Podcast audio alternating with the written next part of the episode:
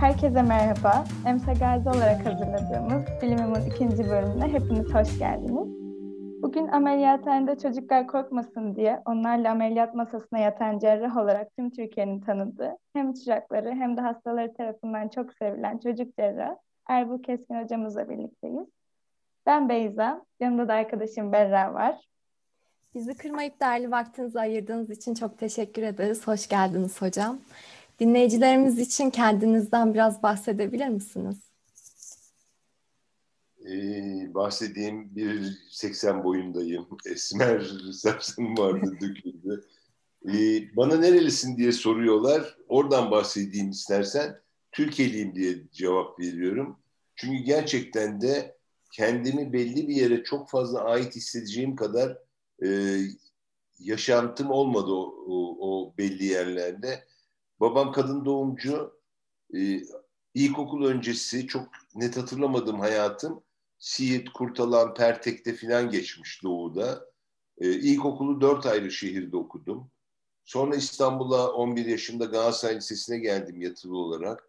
Sonra İstanbul Tıp Fakültesi, sonra Cerrahpaşa, sonra Adana'ya gittim 20 sene kaldım. Sonra tekrar e, İstanbul Tıp Fakültesi'ne döndüm. Yani e, hiçbir yerde ben buralıyım diyecek kadar çok fazla e, kalmadım ama 20 yıl e, Adana için fena değil mesela. E, Adana'ya çok yakın hissediyorum kendimi. En çok yaşadığım şehir İstanbul ama bir yerli olabilmek için dedenin orada doğmuş olması lazım derler ya. Benim öyle bir şansım hiç olmadı. Ee, İstanbul Tıp Fakültesinden mezun olduktan sonra e, Cerrahpaşa'da çocuk cerrahisi, daha doğrusu genel cerrahi ihtisası yaparken çocuk cerrahisine konvert oldum. E, bitirdim. Çapa'da yarın doçent kadrosuna girecekken hocamın önerisiyle e, Çukurova'ya gittim. İki yıl mecbur hizmet yapıp dönecektim. 20 yıl kaldım orada. E, çocuk nörolojisiyle uğraşıyorum. E, başka ne var? Bu kadar işte hayatım. E, Galatasaraylıyım. E, son zamanlarda çok iyi bir futbol e, takipçisi değilim belki ama e, divan kurulu üyesiyim. Galatasaray Kulübü daha iyi olsun. Mezun olduğum Galatasaray Lisesi daha iyi şartlarda eğitim versin diye oraya yardımcı oluyorum. E, Çukurova Tıp Fakültesi, e, İstanbul Tıp Fakültesi ve Cerrahpaşa'nın e, bir ihtiyacı olduğu zaman onların da yardımlarına koşmak istiyorum. Eğitim aldığım yerler olduğu için. Teşekkürler hocam.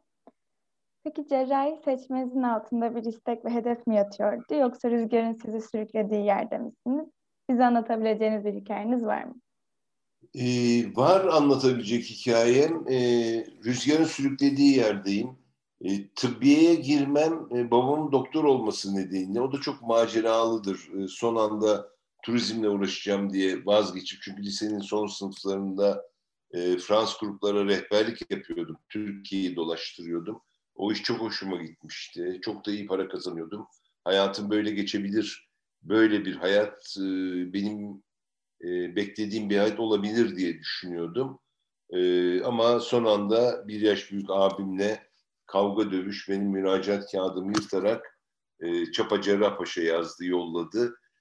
Çapa'ya girdikten sonra ilk sınıflarda zaten hala aynı şeyi düşünüyorum.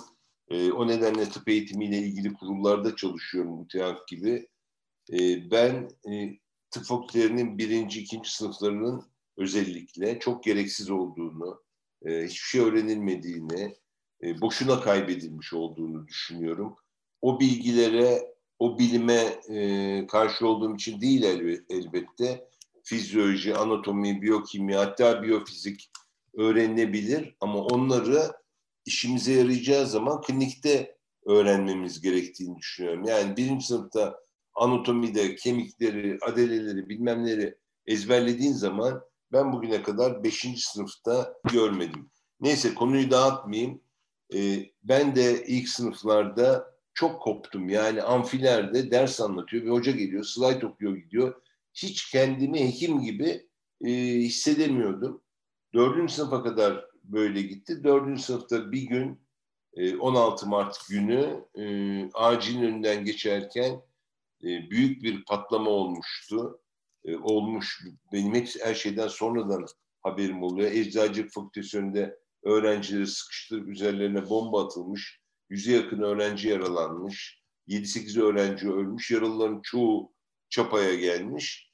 Orada e, ne var diye bakarken kolumdan yakalayan, tanımadığım, beni tanımayan bir uzmanın başka adam bulamadığı için bir dördüncü, dördüncü sınıf öğrencisiyle ameliyata girmeye zorunda kalması, benim ilk girdiğim ameliyat, ilk defa hastaya dokunmam, ilk defa kan görmem filanla geçen bir ameliyat sürecinden sonra dışarı çıktığımda e, dedim ki bu iş bana göre. Yani ben bu işi sevdim, gerçekten sevdim. Bir insana dokun çünkü o sonra bana verdi o görevi. Hastayı odasına götürdüm, yatırdım, geri döndüm.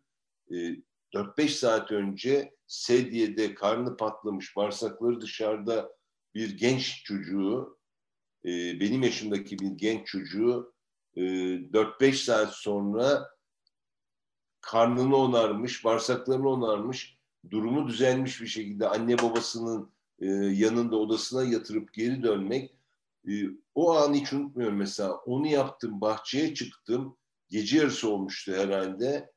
E, o serinlikte o güne kadar hiç hissetmediğim bir şey hissettim. Yani e, ben bugün ilk kez İstanbul Tıp Fakültesi'nde e, öğrenci Erbu Keskin ilk kez hayatında bir hastayla ilgili bir şey yaptı ve güzel bir şey yaptı diye. E, bu beni çok etkiledi. Hatta bu hikaye hep anlatırım. Uzun bir hikayedir. Çok sonra yani 20-25 gün sonra çocuk taburcu olurken e, ben arkadaşlarımla genel cerrahi sınavından çıkmış bahçede oturuyordum. İşte arkadaşlarımdan bazıları hava atıyor. Benim çok iyi geçti sınavım bilmem ne filan diye. O sırada bize doğru geldi bu çocuk anne babası ablasıyla beraber ve bütün dördüncü sınıftaki arkadaşlarımın arasında beni göstererek e, abla işte benim ameliyatını yapmam hayatımı kurtaran doktor bu dedi. Ben öyle olmadığını çok iyi biliyorum. Ben hayat kurtarmayla falan işim yoktu. Ben kusmamaya çalışmıştım bütün ameliyat boyunca ve bayılmamaya çalışmıştım. Ama e, gerçekten o iyi hissetmiş olmamın 20 gün önce boş olmadığını, bir hastanın da bana karşı böyle bir şey hissettiğini e, duydum.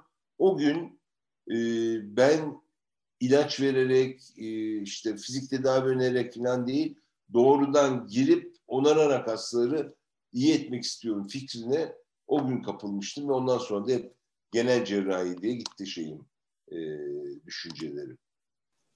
Benim sorum bir önceki soruyla ilişkili olacak aslında. Erişkin cerrahisi ve çocuk cerrahisini karşılaştırdığımız zaman ikisinin de mesleki tatmin açısından oldukça güzel yönleri var tabii ki. Fakat oldukça zorlu kısımları da var. Ve de günümüzde Türkiye'de çocuk cerrahisini seçenlerin oranının gittikçe azaldığını biliyoruz. Tabii ki çocuk cerrahisinin küçücük bir çocuğu iyileştirme ve onun ileride hayat kalitesi daha yüksek, uzun bir yaşam yaşamasını sağlamak gibi çok güzel mesleki tatminleri var. Fakat bu alanda iletişim kurmanızın oldukça zorlu olduğu bir hasta grubuyla ilgileniyorsunuz. Ve aynı zamanda da çocuğu acı çeken bir aile, e, ailenin yaşadığı zorlu süreç kaynaklı onlarla da iletişim oldukça zor olabiliyor. Şimdi bunu toparlarsam kısacası sorumuz neden erişkin cerrahisi yerine çocuk cerrahisini seçtiniz? Genç arkadaşlarım hepiniz göreceksiniz ki e, bütün hayatın diğer alanlarında olduğu gibi meslekle ilgili alanında da insan insanın önüne benim önüme çıktığı gibi sizin de önünüze e, çıkacak hep çatallanmalar çıkıyor. Bazı çatallara geliyorsunuz, karar verme durumunda kalıyorsunuz. Ama orada karar verdiğiniz zaman artık iş geçmiş oluyor. Ya öbür tarafa gitseydim ne olacaktı fikri beyninizin içini kemiriyor. Ama bu bir kere olmuyor. Bir sene sonra bir daha oluyor, üç ay sonra bir daha oluyor. Her aşamada kararlar vermek zorunda kalıyorsunuz. Aslında e, mesleki hayat dışında da e, şu filme mi gireyim, bu filme mi gireyim, e, şu otobüse mi bineyim, buna mı bineyim bile insanın hayatında inanılmaz farklılıklar yapıyor. Yani belki o otobüse bindiğin zaman hayatının adamıyla karşılaşacaksın o otobüste ve hayatın değişecek. Ne bileyim e, gidip Brezilya'ya yerleşeceksin. Sadece otobüse binmediğin için e, o olmayacak. Bir sonraki otobüste ne bileyim kaza yapacak, bacağını kaybedeceksin. Bambaşka bir hayat olacak. Bunu kestirebilmek mümkün değil. Bütün dördüncü sınıftan sonraki hayatımı hep genel cerrah olmak üzerine e, planladım. O zamanlar TUS öncesi e, dönem olduğu için her klinik kendi sınavını açıyor. Kliniğin sınavına giriyorsun. Ee, işte kazananlar diyelim 50 kişi giriyor, 3 tane kadro var, 100 kişi giriyor, 2 tane kadro var gibi. Ama ben cerrahiye çok istediğim için, çapada genel cerrahi yapmayı çok istediğim için bilgisayarın, e, internetin olmadığı dönemlerde yurt dışından Fransızca ve İngilizce genel cerrahi kitaplarını getirip oradan çalışıyoruz. Bütün arkadaşlarım işte iki kadro var, birine Erbil girecek, diğerine kim girecek diyordu. E, ama Kaya Çengiroğlu hocamız benim e, bir davranışımı saygısı olarak değerlendirdiği için ben yaşadığım sürece o adam burada asistan olamaz, bu kliniğe giremez dediğini e, bana aracılarla yolladı. E, Kaya Hoca istemediği zaman da o kliniğe girilemeyeceği bilecek kadar cerrahinin içinde olduğum için ben de gittim Cerrahpaşa'da e, sınava girdim ve genel cerrahiye girdim. E, hmm. Çocuk cerrahisine geçişim hiç benim bir e, seçimim değildi zaten. E, çocuk cerrahisi kendisi adam da almıyordu. E, yani baştan sınavla kimseyi almıyordu. E, Türkiye'nin hiçbir yerinde almıyordu. Çünkü öyle bir e, kürsü henüz yoktu. Genel cerrahi asistanları içinden e, beğendiklerini teklif ediyorlardı. Onları devşiriyorlardı. Cerrahpaşa'da 40'a yakın genel cerrahi asistanı için her sene birine teklif ediyorlardı. Teklif edildiği zaman da e, onore edici bir şey olduğu için hayır ben e, genel cerrahide kalacağım diye bir şey olmazdı. Hiç olmamıştı. E, ben de bende de olmadı. Ama e, benim şöyle bir farkım var. Ben genel cerrahiden devşirilen son çocuk cerrahıyım. Benden sonra kürsü oldu ve direkt kendisi sınavla e, adam almaya başladı çocuk cerrahisi. Benden sonra Türkiye'deki bütün gelenler direkt çocuk cerrahisi olarak başladılar. E, aradaki fark çok belirgin bir fark var.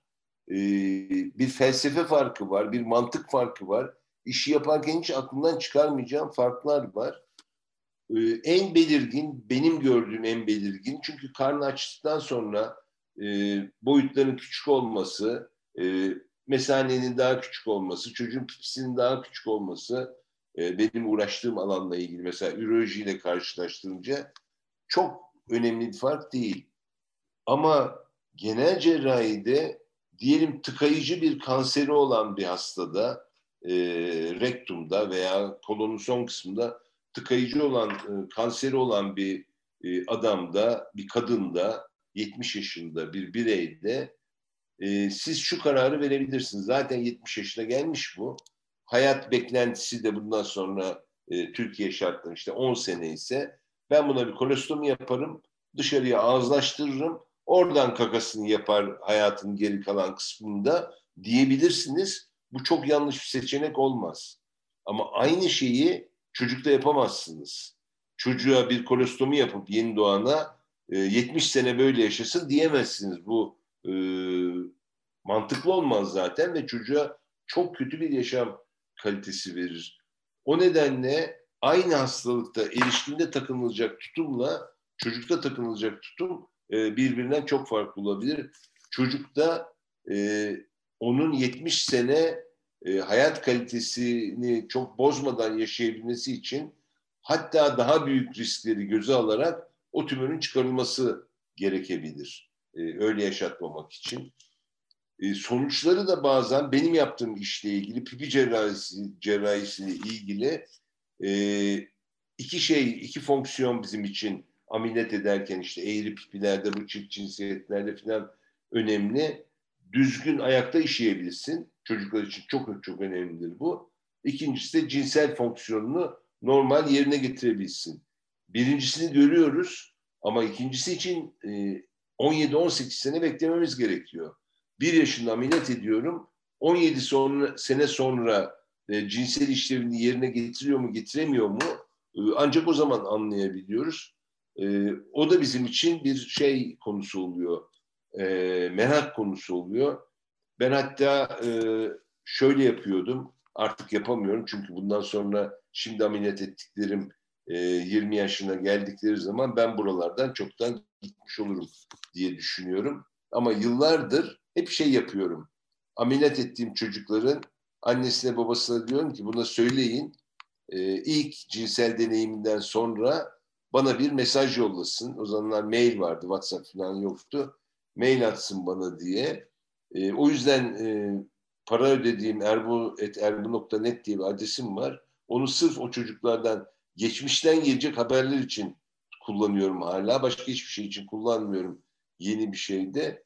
Ama zaman zaman e, işte hocam dün gece ilk kez deneyimim oldu. E, babam demişti ki bana hocana haber ver diye teşekkür ederim çok mutluyum filan diye haberler geliyor.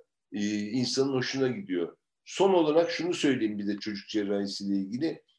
Benim e, sanıyorum bu işte en rahatsız olduğum e, bütün doktorları e, çocukla ilgilenen doktorları çok rahatsız eden bir tutum vardır. O da şudur.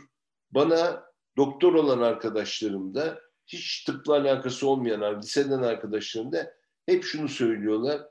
Ya o küçücük bebekleri nasıl ameliyat ediyorsun? Nasıl kesiyorsun onları? Ay ben olsam hiç yapamam, hayatta dokunamam onlara diye. Öyle bir hava yaratıyorlar ki onlar çok insancıl, kedi yavrusunu sever, soğuktan korur. Biz vahşi adamlar 2000 e, gramlık e, çocuğu kesiyoruz.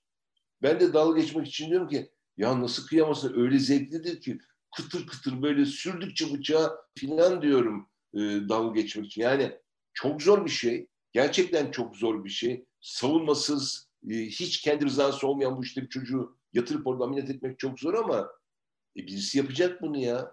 Ben yapmasam başka birisi yapacak bunu. Birisinin mutlaka bu işi yapması lazım. Ben de diyorum ki vicdan söz konusuysa asıl vicdanlı olanlar bu çocukları ameliyat etmeye gönüllü olan insanlardır diğer insanlara göre diyor. Böyle anlatabilirim çocuk cerrahisiyle genel cerrahinin farkını. Teşekkür ederiz hocam. Ee, sorum şu şekilde. İçinde bulunduğumuz dönemde doktorlar beceri ve isteklerinden ziyade istemedikleri ancak daha rahat olacağını düşündükleri bölümlere yöneliyorlar. Sizce e, bunun sebebi nedir ve bunu nasıl düzeltebiliriz? Ee, öncelikle bunun düzeltilmesi gereken bir şey olup olmadığına karar vermek lazım. Nasıl düzeltebiliriz derken. Ben elbette çok yanlış olduğunu, e, mutlaka düzeltilmesi gerektiğini düşünüyorum. Ama bunu düşünen benim. Zamanında zaten e, gençliğinde cerrahi diye yanıp tutuşmuş bir adam bugün e, öğrencilerimin nasıl olur da cerrahi dışında bir şey düşünebilirler diye e, çok şaşırıyorum. Ama Mevlana'nın dediği gibi dün dünle gitti cancağızım. Bugün yeni şeyler söylemek lazım. E, bakıyorum ezici çoğunluğu çırakların başka yer, e, yöne gidiyorlar. Demek ki artık hayatın akışı o yönde e, diye düşünüyorum. Elimden geldiğince e, benim yaptığım işin yıllar sonra ortaya çıkacak iyi taraflarını anlatarak e, buraya müşteri çekmeye çalışıyorum. Gerçekten dün dün ile gitti. Benim bugün dünkü fikrimle bugünkü çocuklara fikir vermem çok doğru olmayabilir. Ee, öğrencilerime diyorum ki hocanız, büyükleriniz, e, sizden önce yaşamış olan insanlar bir şey sorduğunuz zaman veya kendiliklerinden e, benim zamanımda diye lafa başlıyorlarsa gerisini dinlemeyin. Çünkü bir insan benim zamanımda diye lafa başlıyorsa gerisi gerçekten boş, boştur. Çünkü artık onun zamanı değil. Ben kulaklarımla bazı hocalarımın öğrencilere biz sizin zamanınızda çok fazla şey bilirdik de siz çalışmıyorsunuz da yapmıyorsunuz da filan dediğini duyuyorum. Ee, yani sinirden çatlamamak mümkün değil. Çünkü o hoca benim zamanımda yaşamış bir hoca Ben biliyorum ya MR yok, BT yok, ultrason bile yok, kitap yok, erişebilecek yayın yok. Sadece perküsyon, palpasyon, oskültasyonla tanı koyardık biz. Biz zamanda daha çok şey bilirdik. Hayır efendim hiçbir şey bilmezdik. Ne bugünkü laboratuvar tetikleri vardı ne başka bir şey vardı. Bilmezdik. Onun için e, en güzel şey, bizim en ulaşabileceğimiz şey e, hastayı açıp içine bakıp içindekileri çıkarabilmek gibi böyle daha şövalye işlerdi, cerrahi işleriydi. Onun için biz hepimiz cerrahiye yöneldik. Erkekler, kadınlar hepimiz cerrahiye yöneldik. Ee, ama e, hiç mesela şeyi düşünmedik. 17 gün üst üste nöbet tuttum çocuk cerrahisinde. iki kişiydik çünkü. Ee, üç gün, beş gün insanı kesmiyor. Ee, karar verdik. Bugün dedik ki abi 15'er gün o 21 gün diyor da ben biliyorum 17 gün olduğunu. E, Nüvit diye bir arkadaşımla birlikte nöbet tutuyorduk. E, bizim için e, çok büyük bir şövalyelik övünülecek bir şeydi. Dört gündür uyumuyorum. Hiç bir saat bile uyum, uyumadım dört gündür ameliyattayım diye. Bunu övünerek, beğenerek, sevinerek anlatırdık. Ama bugünün dünyasında bunun bir karşılığı yok. 36 saat çalışıyoruz, bize mobbing uygulanıyor diye gençler ayaklanıyorlar. Ben onlara da kızmıyorum. Yani bugünkü dünya onu gerektiriyor ama bizim zamanımızda böyle değildi. Hocam şimdi biraz asistanlık anılarınıza geçmek istiyoruz. Tıp fakültesi birinci sınıfa başladığımız ilk günden itibaren hocalarımızdan hep tıp ne sadece bir bilimdir, ne sadece bir sanattır, tıp bir zanaattır cümlesini duyduk. Ve de tıp alanında sağlıklı bir asistan hoca ilişkisinin oldukça önemli olduğunu biliyoruz. Özellikle cerrahi alanlarda bu usta çırak ilişkisi oldukça hayati bir önem taşıyor. Peki günümüzde zorluklarıyla gündeme gelen cerrahi branş asistanlığı sizin için nasıl geçti? Bir önceki soruyla biraz ilişkili aslında. Evet, e, benim söyleyemediğim kısmı deminki soruda tamamlama fırsatı verdi e, bu sorunda bana. Teşekkür ediyorum. E, usta çırak ilişkisini sadece asistanlıkta değil, e, tıbbiyelinin birinci sınıfın birinci günü başladığı andan itibaren usta çırak ilişkisinin çok önemli ve şart olduğunu düşünüyorum. Başka türlü öğrenilemez. Ee, şimdi e, arkalarından konuşmak gibi olmasın. Çoğu hayatta değiller. Çoğu demeyen de bir kısmı hayatta değiller benim çapadaki hocalarımın. Ee, ben hocalarımdan e, tıbbiyeye gelirken hayal etmiş olduğum e, ilgiyi ne yazık ki göremedim. E, şartların tabii ki etkisiyle oldu bu. E, çok öğrenci olayları vardı. Temel bilimler önünde çapada arkadaşlarımız öldürüldü. Bizim sınıf arkadaşlarımızdan vurulanlar oldu. Sağ sol çatışmaları çok e, ciddi biçimde eğitimi engelliyordu. Hocalar öldürüldü. E, onlar da korkuyorlardı öğrencilerle fazla şeyde ilişkide bulunmaktan. Ama benim içimde bir ukde vardır.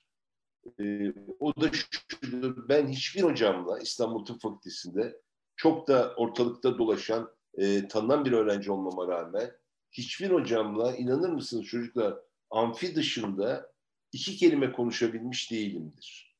Yani hocalar öğrenciyle konuşuyor olmayı, onları muhatap almayı sanki kendilerini e, küçülten bir şey olarak mı görünerdi bilmiyorum. Yanlarına gidince elleriyle böyle e, git git şimdi işim var gibi kovalarlardı. Hocanın odasına girmek, bırak oturup orada kahve içip hocayla sohbet etmek, hayata dair bir şeyler konuşmak, hocanın odasının kapısından içeri girmek diye bir şeyimiz yoktu. E, düşüncemiz yoktu. Yani rüyamızda görsek hayırdır inşallah diye kalkar e, şey yapardık, şaşırırdık. E, ben de hiçbir hocamın odasında, hoca odasında ne oluyor? Bu adam hayata dair ne düşünüyor? Bana bir önerisi olabilir mi? Okuyacağım bir kitap önerebilir mi? Yapacağım bir iş önerebilir mi? De çok merak ederdim. Hiç yapmadı. E, hatta odasına girerken beni çık çık dışarı şimdi vaktim yok diyen bir hoca da e, beni odadan çıkarırken kendi kendime şu sözü verdiğimi çok iyi hatırlıyorum. Eğer bu hoca olursan böyle olmayacaksın. Bu adam gibi olmayacaksın. E, kapında senden bir şey sormaya gelen öğrencilerine içeri davet edip ona varsa birikimin mutlaka onunla e, paylaşacaksın diye kendime söz vermiştim.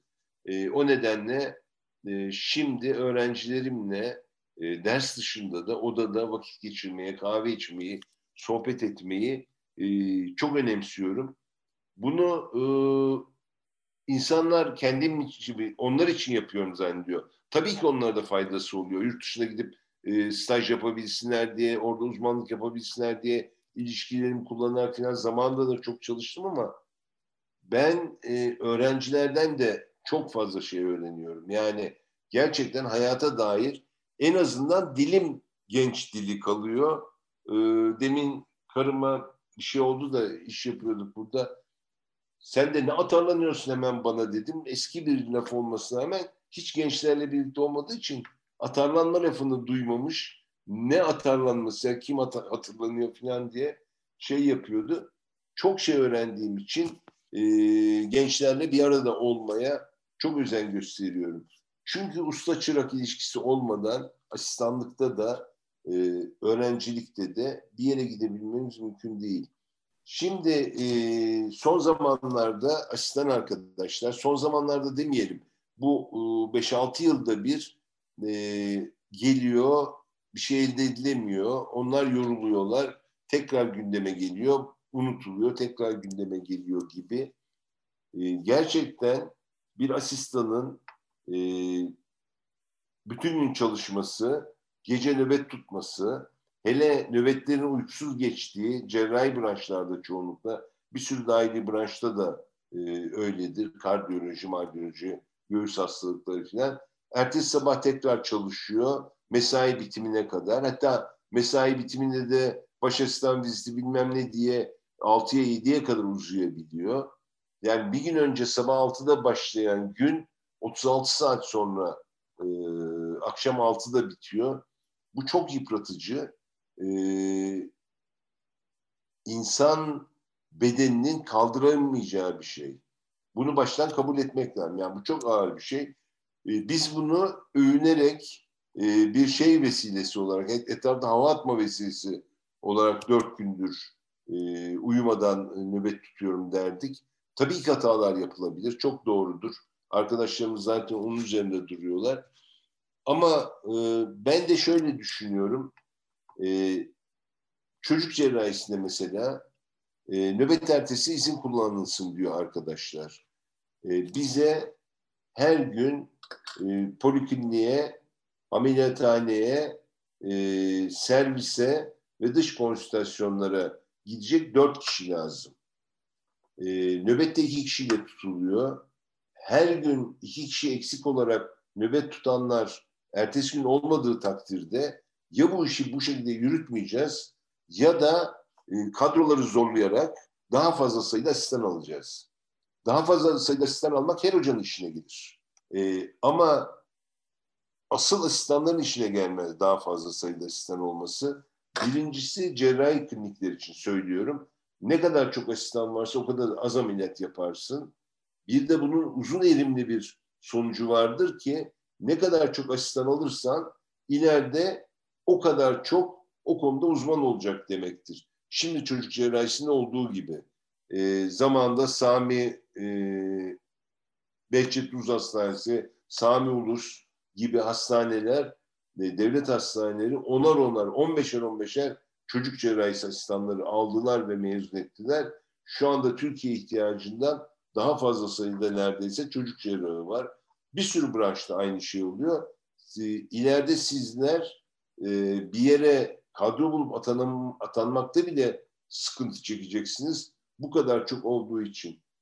E, bir de şu var yani asistanlık dediğin şey cerrahi branşlarda 5 yıl sürüyor. 5 yıl zaten senin çok yoğun çalışıp öğrenmen gereken zaman.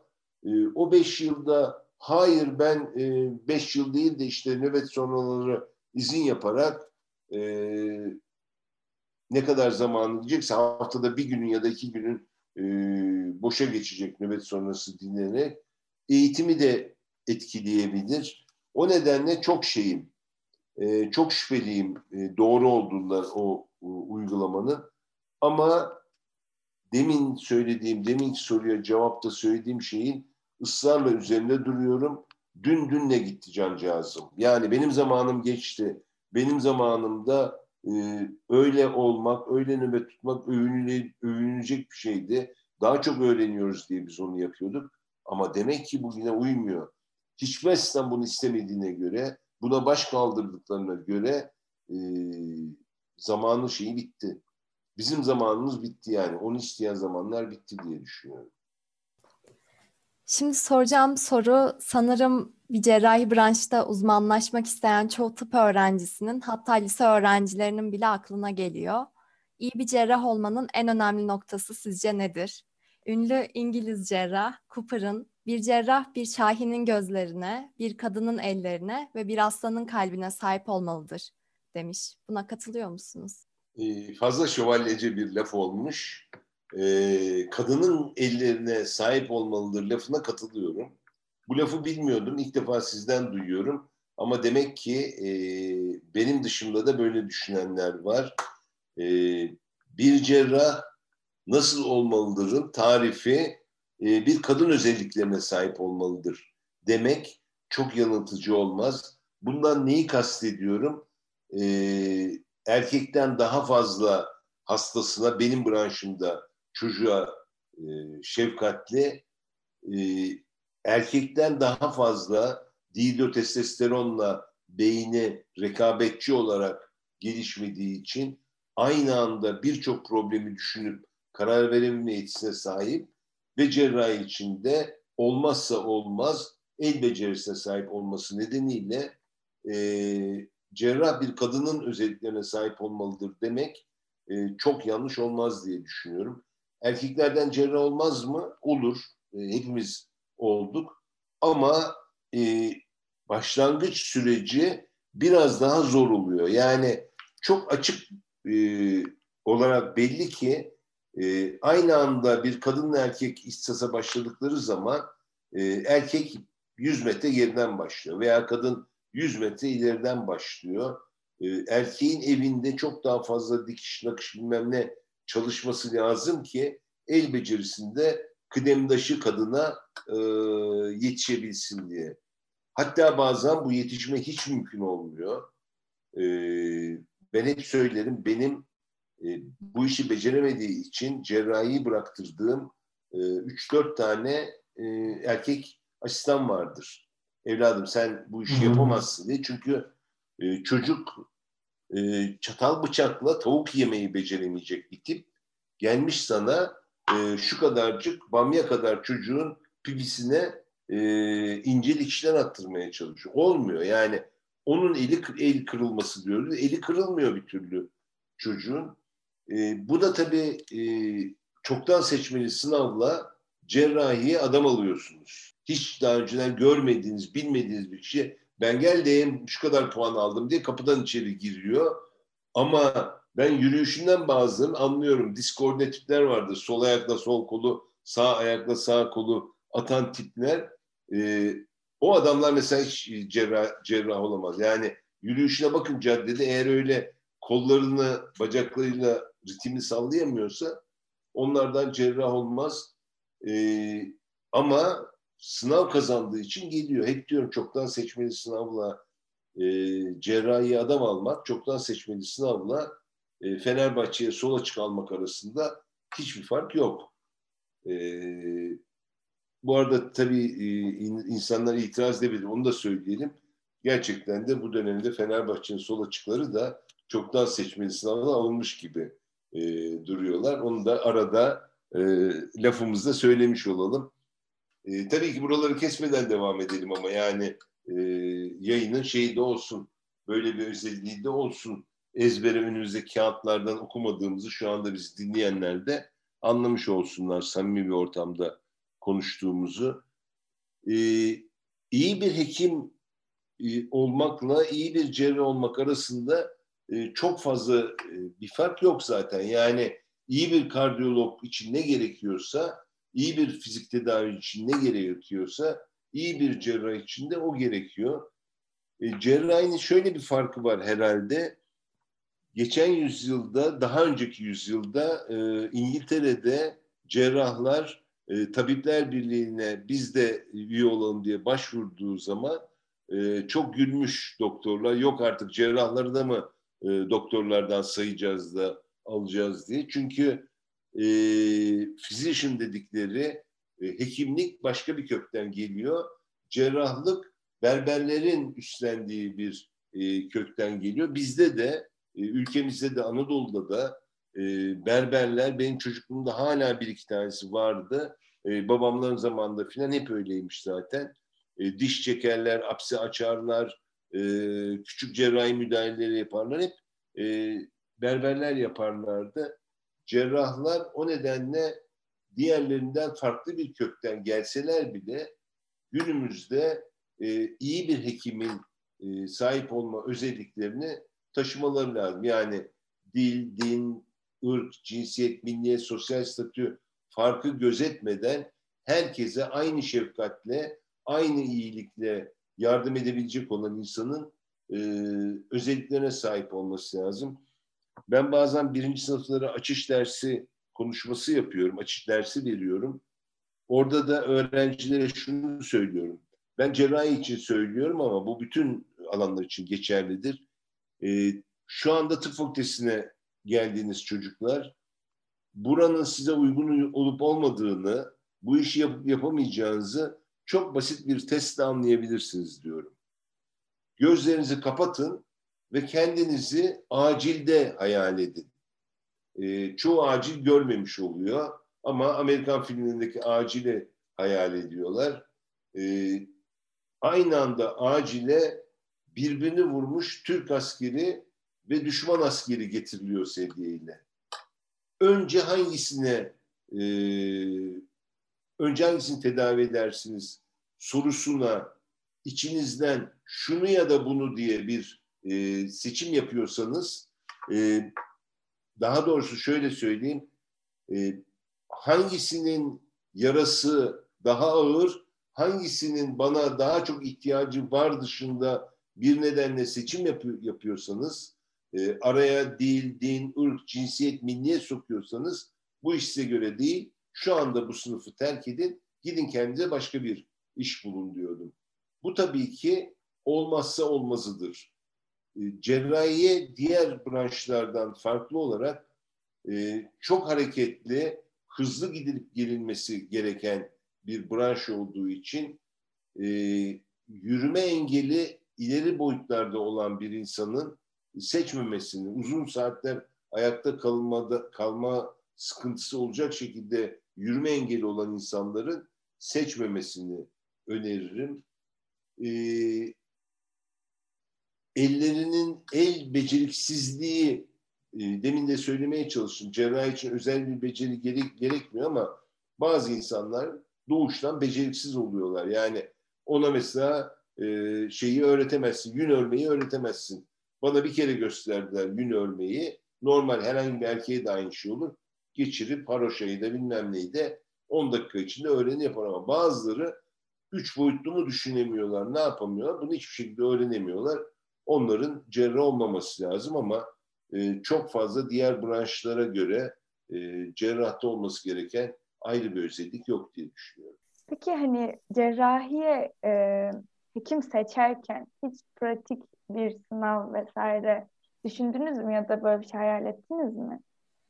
Ee, ben 2000 2002 yıllar arasında Tıp Fakültesi'nde dekanlık yaptım. Ee, o sırada Dekanlar Konseyi diye Türkiye Tıp Fakültesi dekanlarından ve Tıp Fakültesi kökenli rektörlerden oluşan bir konsey vardır. Ee, dolayısıyla o konseyin de üyesiydim. O konseyde iki şey yapmaya çalıştım, çalıştık. birincisi e, Türkiye'deki tıp eğitiminin kalitesini arttırmak için bir akreditasyon kurulu kurulması. E, buna ön ayak oldum. Kurucu yönetim kurulu üyelerindenim. Akreditasyon UTİAK'ın kurucu yönetim kurulu üyelerindenim. E, hatta akreditasyon için ilk başvuran e, fakültelerden biri Gazi Tıp Fakültesidir. Gazi Tıp Fakültesi'nin ilk e, akredite olduğu ziyaretinde başkanı da başkanı olarak ben geldim Gazi'ye öğrencilerle konuşuyorsun, hocalarla konuşuyorsun filan. E, onu akredite ediyorsun. Bu benim e, o zamanlarki bir hayalimdi. Akredite olmayan e, fakülteler açılamasın, eğitim bir standart olsun diye. Tabii çok işimize yaradı. Şimdi ECFMC'de 2023'ten itibaren akredite olmayan fakültelerden mezun olan öğrencileri kabul etmeyeceğiz dedi Amerika Birleşik Devletleri de. Bu da biraz elimizi güçlendirdi. Birincisi buydu. İkincisi de e, TUS'un yerine geçecek, e, pratiği de içine alan e, bir sınavdı. E, Türkiye'de tıp eğitimi deyince ilk akla gelen isim İskender Sayek'tir. Hepiniz duymuşsunuz. İskender Hoca'nın ve benim de içinde bulunduğum beş kişilik bir ekip biz aylarca e, METES adını verdiğimiz e, mezuniyet sonrası tıp eğitimi sınavı diye, mezuniyet sonrası tıp eğitimi sınavı diye e, bir sınav e, peşine düştük. Bu sınavı bir ya da ikinci sınıfta ilk ayağına girilecek temel bilimlerden. E, üçüncü sınıfın sonunda bir ayağına girilecek ve altıncı sınıfın sonunda üçüncü ayağına girilecek üç ayaklı bir sınav hayal ediyor. E, yazılı bir sınav değil, pratikte bir jürinin önünde, istasyonlar önünde değişik becerilerini göstereceği, işte serum takma, e, onu hesaplama, dikiş atma filan becerilerini gösterebileceği bir sınav sistemi hayal ediyorduk ama e, birçok problemleri var. Biliyorsunuz TUS sınavı şimdi 500 lira ödediler geçen gün hafta sonu girdikleri sınavda öğrenciler. Üç sınavın hele e, pratik e, ağırlıklı sınavların çok daha pahalıya mal olacağı ve e, YÖK'ün filan da bunu karşılamadığı göz önüne alınca bir sürü şeyle karşılaştık. E, işin acıklı tarafı bütün bu engellere rağmen geçiriyorduk. Üniversite arası kurulda kabul olmuştu. Ama e, bir oyla kaybettik oylamada. E, ben de o sırada e, dekanlığım sona ermişti. Daha doğrusu istifa etmiştim, dayanamadım. İstifa etmiştim. E, bir oy eksik oldu şeyde, e, dekanlar konseyinde ve kaybedildi. Yoksa şu anda e, 1, 3 ve 6'da girilen yeni bir başka bir sınavla yani tek bir sınava değil de defalarca öğrencinin istediği kadar girebileceği ve notunu yükseltebileceği bir sınavla e, alınmasının e, önünü açmış olacaktık ama e, maalesef olmadı. Yalnız şunu e, belirtmeme izin verin çocuklar sınavdan bu TUS'tan bahsetmişken. E, gerçekten zor bir sınav, kötü bir sınav. Sizin bilginizi ölçmüyor. Siz nasıl bir hekim olduğunuzu kesinlikle değerlendiren bir sınav değil. Çünkü e, adı üstünde bir yarıştırma yerleştirme sınavı derecelendirebilmek için uç, hekimlik hayatınızda hiç işinize yaramayacak bilgileri ölçen e, bir sınav.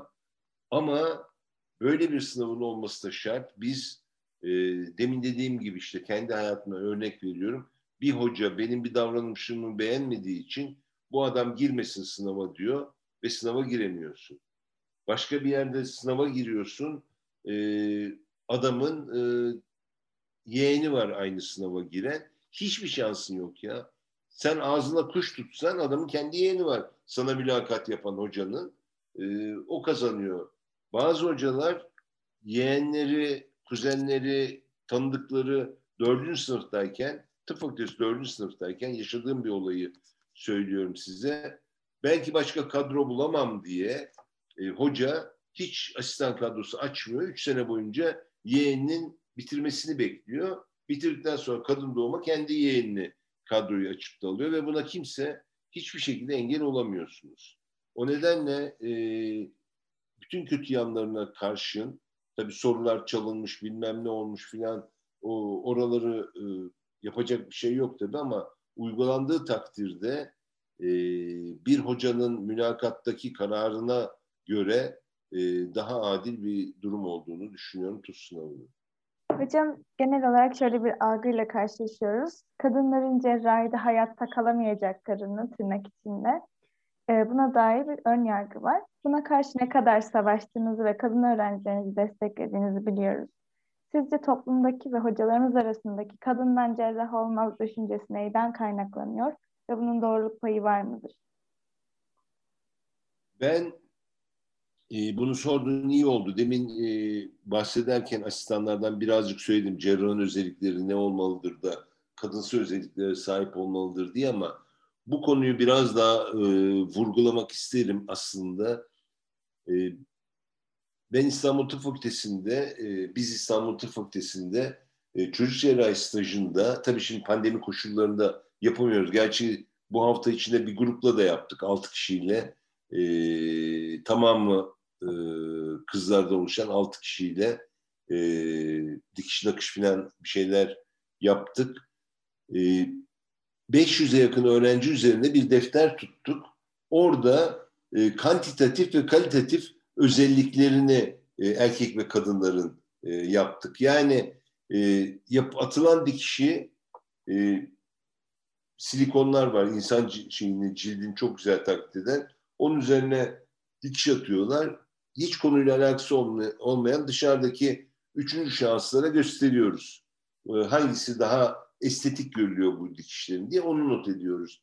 Ben de e, mümkün olduğu kadar tarafsız olarak söylediğim gibi bütün dokuyu derin geçip de bir araya getirecek, boşluk bırakmayacak şekilde yapılmış mı yapılmamış mı onu not ediyorum.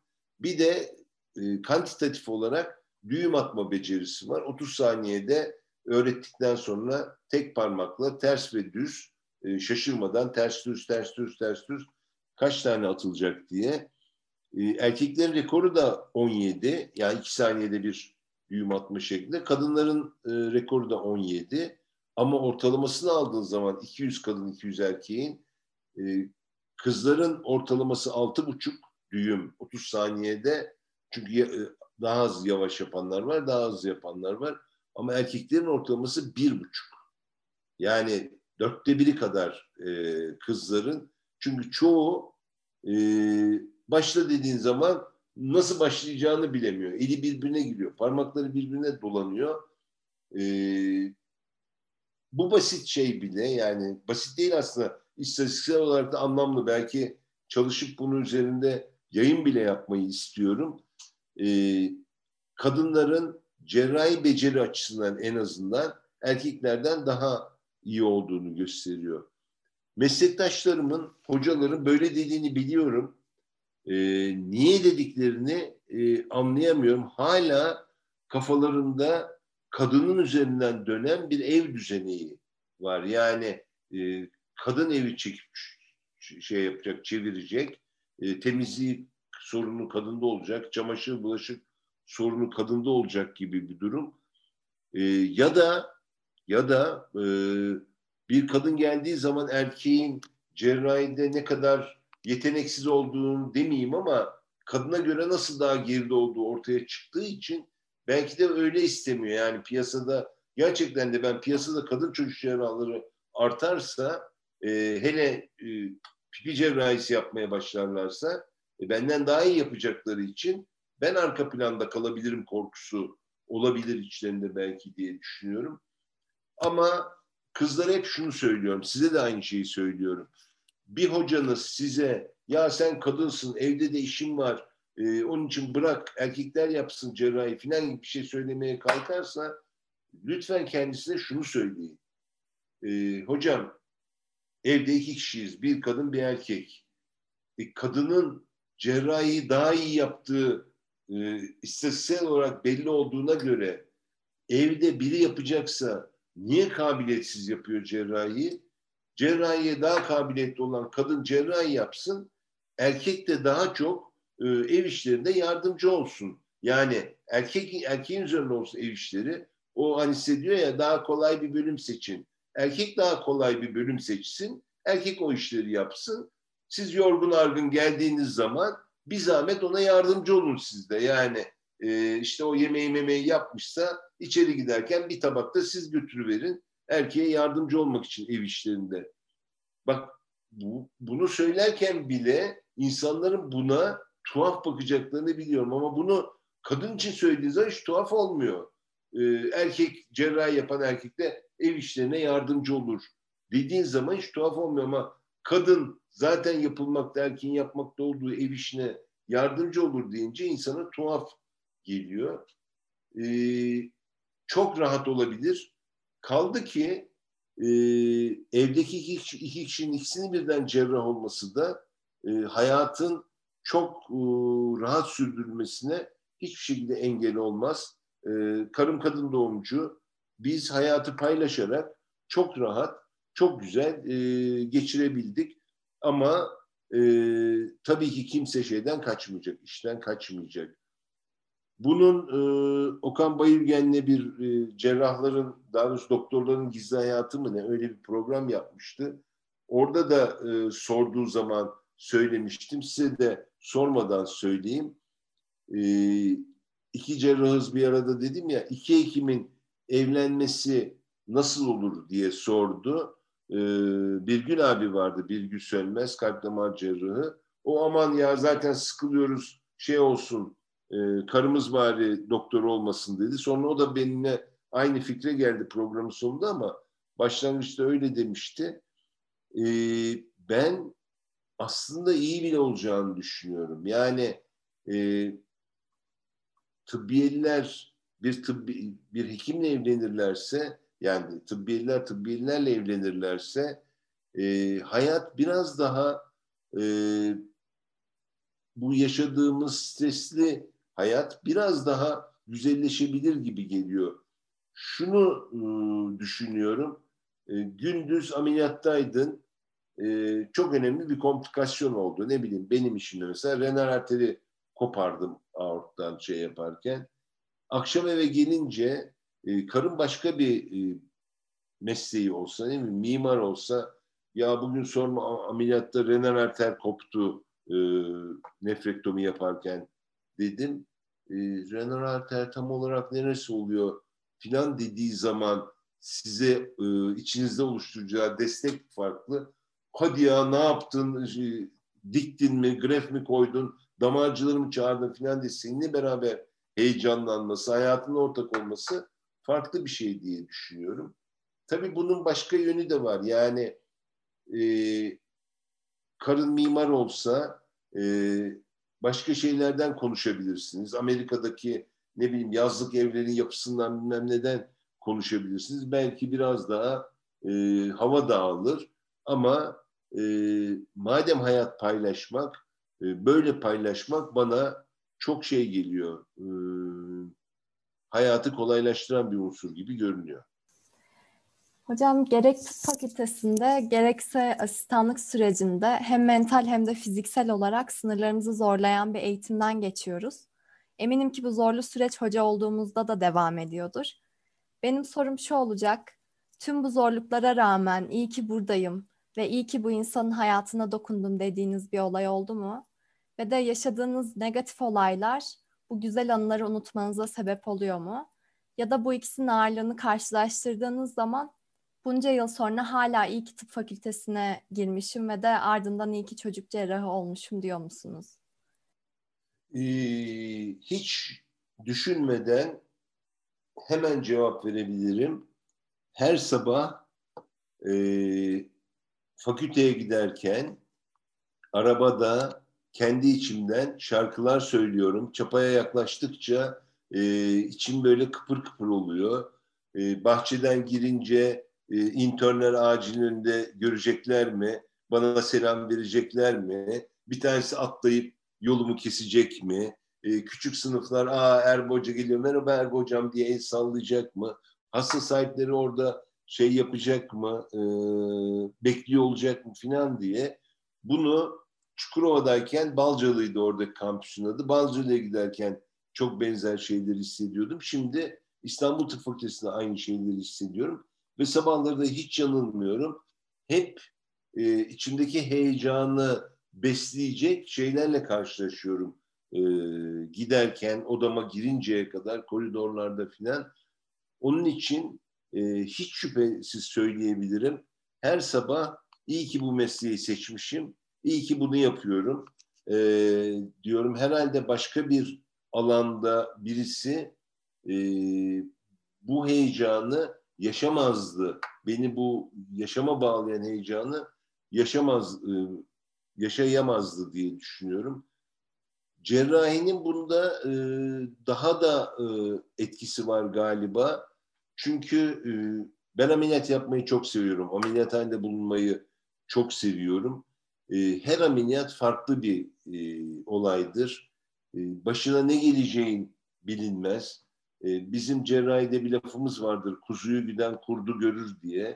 Eğer kuzuyu gidiyorsan yani ameliyat yapıyorsan mutlaka bir yerlerden e, kurt karşına çıkar. Ama bunun karşılığında demirden korksak trene binmezdik diye bir lafımız vardır.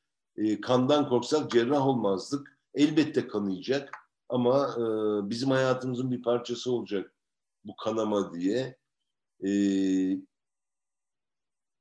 bu salı günü mesela e, yıllardır hayatım ameliyathanelerde geçti. Yani kaç bin ameliyat yaptığımı e, bilemiyorum bile. Kaç yılbaşına ameliyathanede girdim. Kaç evlilik yıl dönümünde eve gelemedim.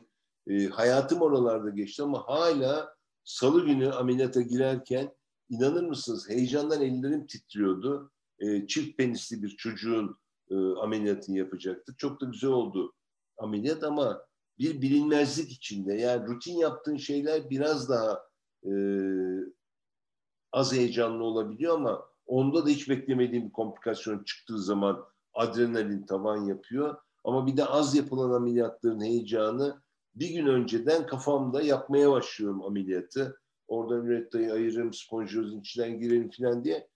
Ben dehşetli keyif alıyorum. Hala aynı keyifle gidiyorum. Belki de başka bir meslek bilmediğim için e, bin kere dünyaya gelsem bin kere yine e, cerrah olurdum. Yine çocuk cerrahisini seçerdim. Orada da pediatrik ürolojiye ayrılırdım gibi geliyor bana. Ama e, yani sorsam başka hiçbir şey mi istemezsin? E, mesela Perseverance şeye indiği zaman Mars'ın yüzeyine konup da e, Kartal kondu, e, durumum iyi diye mesajı yolladığı zaman o e, NASA'da üstte alkışlayan insanlar vardı ya mutluluktan, gururdan filan. E, bir tek onları kıskanıyorum galiba. Orada olmayı çok isterdim. Yani öyle bir projenin parçası olmayı herhalde çok isterdim. Hocam çok hassas bir bölümde görev yapıyorsunuz. Çünkü çocuklarla çalışıyorsunuz. Bir çocuğa hayat vermek ya da bir çocuğun hayatını kaybedişine şahit olmak gibi durumları yaşamak zorunda kalıyorsunuz. Profesyonelliğinizi nasıl koruyorsunuz ve bu mesleğe nasıl devam ediyorsunuz?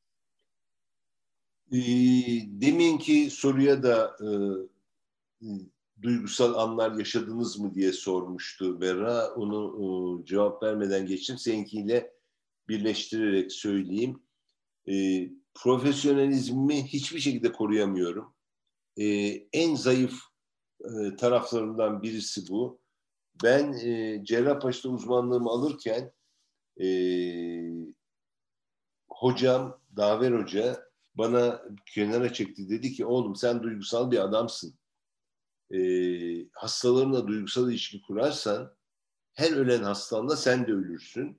Bu insan ruhunun kaldırılabileceği bir ağırlık değildir.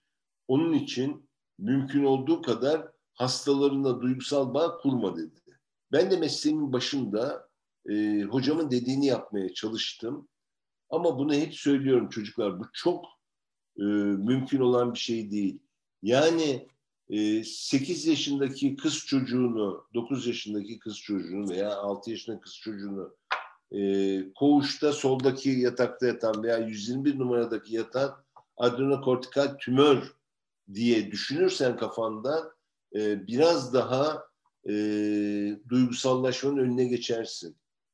Ama e, sen Merve'nin e, sınıftaki en çok sevdiği, en beğendiği oğlanın Mert olduğunu biliyorsan, Mert'in buna kalem hediye ettiği zaman çok heyecanlandığını anlattıysa sana, işte doğum gününde saçlarını uzatıp e, ah seninki gibi örgü yapmayı planladığını biliyorsan, e, babasıyla ilişkilerini, hayatındaki şeyleri biliyorsan ve bu çocuğun e, doğum günde saçlarını örmesinin mümkün olamayacağını çünkü doğum gününden çok önce başlayan kemoterapiyle bütün saçların döküleceğini, kilo kaybedeceğini ve e, bu hastalıktan da 5 yıllık sürvisinin e, yüzde 10-15 maksimum olabileceğini biliyorsan e, duygusal bir şey kurmamak mümkün olmuyor. Yani Orada ben hekimim, görevimi yaparım. Elbette çocuklar ölecek. Merve de ölecek.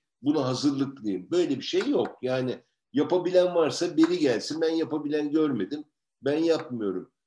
Ee, yaptığım hataların en önemlisinden birisi e, hayatın içine girmek oluyor belki. O kadar girmesen hayatın içine.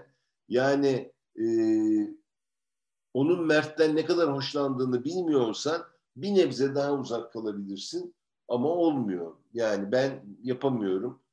E, ister burada şimdi sabah gittiğim zaman e, vizite dok er bu doktor gelmiş diye paçama yapışan çocukların sıcaklığı isterse mesela Çukurova'da odaya girdiğim zaman ulan bu Allahsız doktor yine geldi diyen çocukların e, sempatisi e, insanı bağlıyor. Bir şekilde bağlıyor. Yani e, ben bundan kurtulamadım. Çok yıpranıyorum.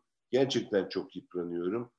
E, ama e, duygus yani profesyonel olup bu duyguyu atlatabilmeyi, onlara olgu olarak bakmayı beceremedim.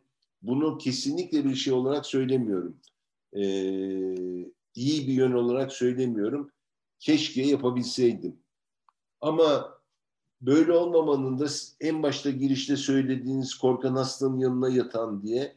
Mesela o olayda e, benim hayatımdaki şanslardan biridir diye düşünüyorum. Önce kendisi paylaştı. Sonra benim aklıma geldi paylaşmak. Bir gecede bir milyon tıklama falan oldu o fotoğrafta. Ama e, şöyle bir faydasını gördüm ben onun. O güne kadar hep hekimler hakkında basında kötü şeyler okuyordum. Hep kötü şeyler okuyordum. Yani her bir doktor bir şey yazdığı altına şu kadar da para alırlar, para gözleri insan adam yerine koymazlar, iyi ki bir doktor olmuşlar da ukaladırlar filan diye e, o resmin altına yapılan bir sürü yerde çıktı. Gazetelerde, yabancı dergilerde, Tunus'ta filan da çıktı şey, yazı, e, o fotoğraf. Çıkan yorumları toplamaya çalıştım. Yani bir kısmı topladı, hepsini toplayamadım çünkü yüz binlerce yorum oldu. Ama inanır mısınız hiç bir tek kötü yorum yoktu. Biz biliriz bu doktorlar falan diye. En kötü yorum e, ben bu adamı tanıyorum. Özel hastanede çalışıyor. Çok para aldığı için hastanın yanına yatıyor. Hastanın yanına yatmak için de para alıyor filan gibi böyle dangalakça şeyler. Tabii e, altına öyle yazanlara e, bizim sağ olsun tıbbiyeliler ulan bu adam İstanbul Tıp Fakültesi'nde bizim hocamız filan diye e, hemen giydiriyorlardı. Ama başka insanlar işte benim doktorum da ayağım üşümüştü, ayağımı eliyle tutarak ısıttı, nefesiyle ısıttı filan diye e, güzel e, ameliyathane hikayeleri anlatıyordu. Orada bir tek sevmediğim şu oldu. Ertesi gün bir sabah bir uyanıyorsun hani herkes bir şeyliğine 15 dakikalığına meşhur, meşhur olacak diye bir lafı var. E, Segeran'ın reklamcı. Bunca yıldır bu kadar şeyler yapmışsın, ameliyatlar yapmışsın. Bir sabah bir uyanıyorsun radyolar, televizyonlar, gazeteciler herkes arıyorlar. Herkes röportaj yapmak istiyor. Konuşmak istiyor. Hepsine aynı şeyi söyledim. Dedim ki gelir yaparım ama bundan bir kahramanlık hikayesi çıkarmayacaksınız. Çünkü amaçları şu. E, Türkiye'de kötü bir sağlık sistemi var. Evet. E, hekimler hastalığıyla ilgilenmiyorlar. Çok kendini beğenmişler. Ama işte bir hekim var ki hastasının yanına yatan kahraman hekim. E, herkes aynı şeyi söyledi. Böyle bir hikaye yok. Benim hocam da böyle yatardı. Benim abilerim de yatardı. Benim çıraklarım da yatıyorlar. Gerçekten bu e, ameliyathaneye annesinden babasından koparılmış getirilmiş çocuğa kim kötü davranabilir ya? Herkes kendi evladına göstermediği şeyi gösterir ameliyathanede. E, duygusallığı gösterir çocuk korkmasın diye. E, tek amacım bunun dünyanın her ülkesinde sadece Türkiye'de değil bir sürü yeri biliyorum çocuklara yapıla gelmekte bir şey olan bir şey olduğunu anlatmaya çalıştım. Öyle bir faydası oldu galiba zannediyorum. Hocam az önce e, yaklaşık bir milyon tıklanma alan fotoğraftan bahsettiniz. Buradan şuna bağlamak istiyorum. Sosyal medyada çok sevilen bir hocasınız. Çok çok takipçinizin olması size bazen sorun yaratıyor mu? Ve de bu kadar büyük bir kitlenin sizi sevmesini neye borçlusunuz sizce? Ee, Valla onlara sormak lazım. E, ben kendimi seviyorum gerçekten ama onlar beni niye seviyor ondan e, çok emin değilim. E, hiç rahatsız olmadım. İlk günden beri hiç rahatsız olmadım. Daha sosyal medya yokken de çalıştığım yerlerde e, öğrencilerle çok şey yaptığımız için, e, çok yakın olduğum için e, sadece tıp fakültesi öğrencileri değil, diğer fakültenin öğrencileriyle de aram iyiydi ve herkes tanırdı ama tabii şimdi e, gittiğim fakültelerde bu e, özellikle akreditasyon için gittiğim fakültelerde öğrencilerin haberi olmuyor tabii akreditasyon komitesinde kimin olduğunu ama e, her fakültede işte ister e, Selçuk'ta olsun, ister Meram'da olsun, ister e, Sivas Cumhuriyet Üniversitesi'nde olsun onlarca yere gittim. Sabahleyin daha okula girerken ilk karşılaştığımız öğrencinin Erbuca lafıyla karşılaşıyorum ve bütün okula yayılıyor. Erbuca ile tanışmak için, fotoğraf çektirmek için, selfie çektirmek için filan e, öğrenciler geliyor. Bayılıyorum bu işe. Yani en sevdiğim işlerden biri. Şimdi tabii pandemi nedeniyle Zoom'la yapıyoruz toplantıları ama ondan önce e, 40 kadar fakülteye bizzat e, gidip söyleşi yaptım, yüz yüze söyleşi yaptım. En hoşuma giden şeylerden biri söyleşi bittikten sonra acayip kuyruklar oluyor. Orada selfiler çekiyoruz. Kolum ağrıyor selfie çekmekten. Bana veriyorlar, çekiyorum falan. E, gösterilen ilgi e, gerçekten acayip hoşuma gidiyor. E, aşı yaptırmaya gittim mesela. Fakültede yaptırmayayım, orada yeri kaplamayayım diye Beykoz Devlet Hastanesi var. E, bizim evin aşağısında. Hanımla beraber aşı yaptırmaya gittik. Maskeler var e, yüzümüzde. Soğuk bir gün. E, hemşire hanım ben yaptırmıştım. Karım yaptırıyordu. Benim konuşma şeklimden, ses tonumdan durdu durdu ya bir şey soracağım ama siz Erbo hocasınız değil mi dedi. İnter, Instagram'dan şeyi takip ediyorum falan. Ee, yolda karşı rastlıyorum insanlara. Bu e, Berra şunun için hoşuma gidiyor.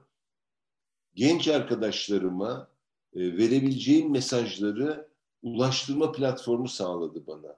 Çünkü gençlerin gereksiz bir karamsarlık içinde olduklarını düşünüyorum ve bu mesleği e, benim kadar zevk alarak yapabilmeleri için e, mesajları vermeye çalışıyorum. Neler yaptı, yapmaları gerektiğini anlatmaya çalışıyorum. Onun için bu e, güzel bir fırsat oldu benim için.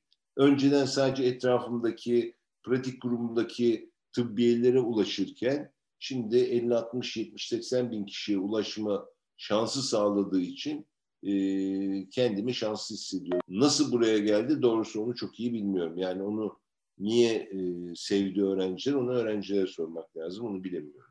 Teşekkür ederiz hocam.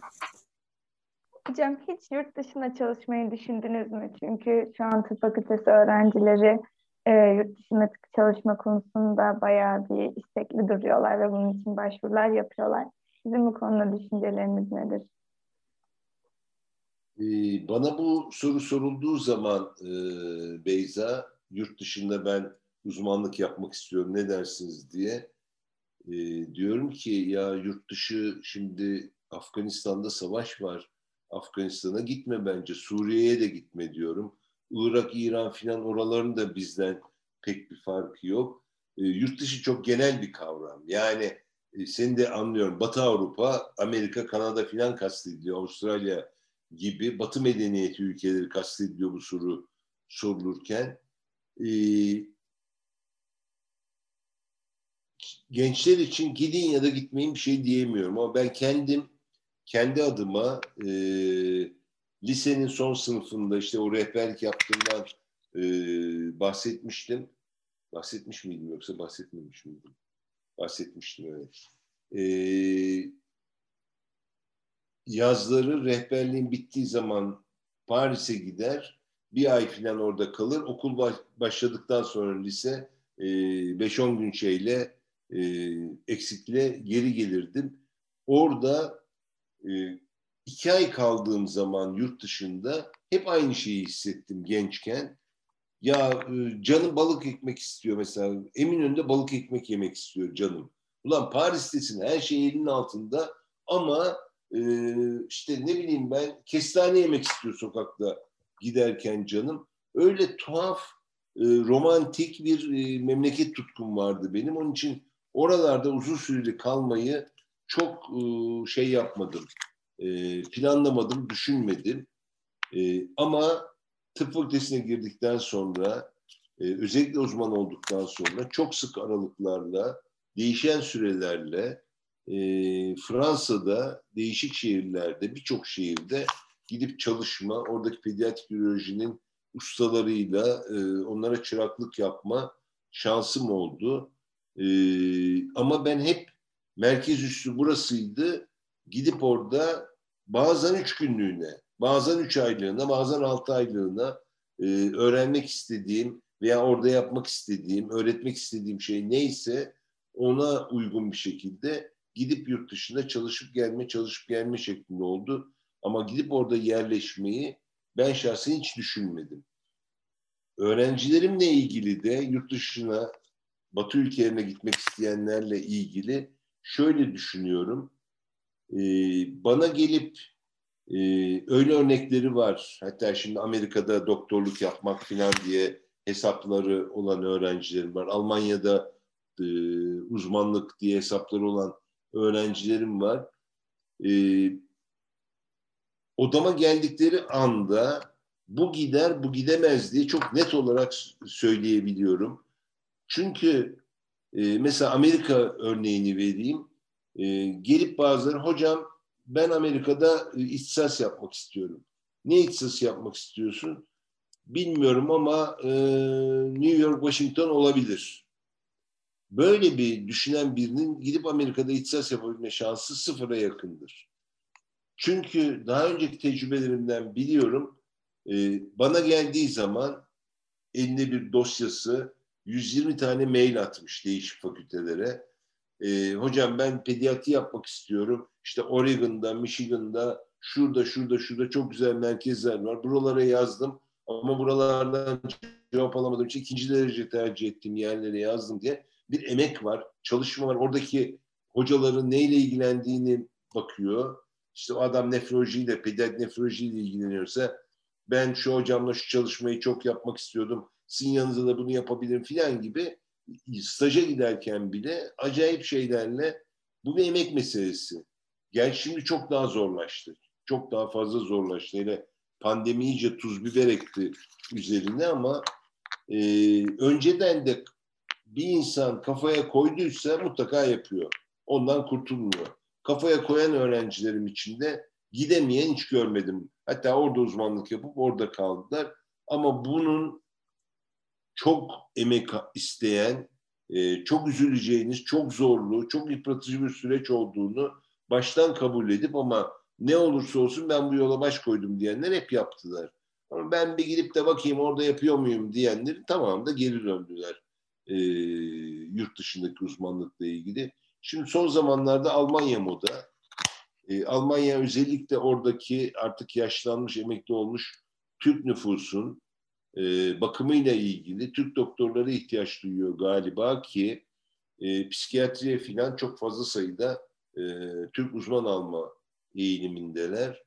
E, gidip orada e, Almanya'nın başka bir yerinde çalışamayacak, sadece Türk azınlıkla çalışabilecek bir doktor olmayı göze almak ne derece doğrudur? E, çok emin değilim. Ben olsam e, Almanya'daki çünkü şartlar Türkiye'deki bir uzmanlıktan çok daha farklı da değil. Ben olsam Birleşik Devletleri veya Kanada'yı kendime şey olarak alırım, hedef olarak alırım. Eğer alanımda daha iyi bir şeyler yapmak istiyorsam. Bu da inanın bana cerrahi branşları için çok geçerli olan bir şey değil. Yani e, Cerrahpaşa Tıp Fakültesi'nde çocuk cerrahisi uzmanlığı yapmakla e, yapmak Amerika'daki onlarca e, çocuk cerrahisi kliniğinden e, çok daha e, size şeyler katabilir. Tabii ki orada 3-5 tane bizden üstünü vardır ama genellikle bizdeki iyi cerrahi kliniklerinin seviyesine gelmeleri bile zaman zaman çok mümkün olmayabiliyor. Onun için çok iyi seçmek lazım. Sadece tıbbi açıdan değil, bu ülkeden beni en çok üzen de o zaten. Gençlerin bu ülkeden e, yorulduk, bıktık, usandık. E, onun için yurt dışına gitmek istiyoruz diyenlere de e, bir şey diyemiyorum ama içim biraz buruk kalıyor. Çünkü burada kalıp e, mücadele etmek yerine bırakıp gitmek, evet kendi hayatını kurtarmak da bir kurtuluştur. Herkes kendi hayatını kurtarsa e, ülke kurtulmuş olur. Ama e, beğenmediğimiz şeyleri burada kalarak mücadele etmek sanki e, benim zamanımın fikirlerine daha çok uyuyor diyeyim hadi. Dün dünle geçti dememek için.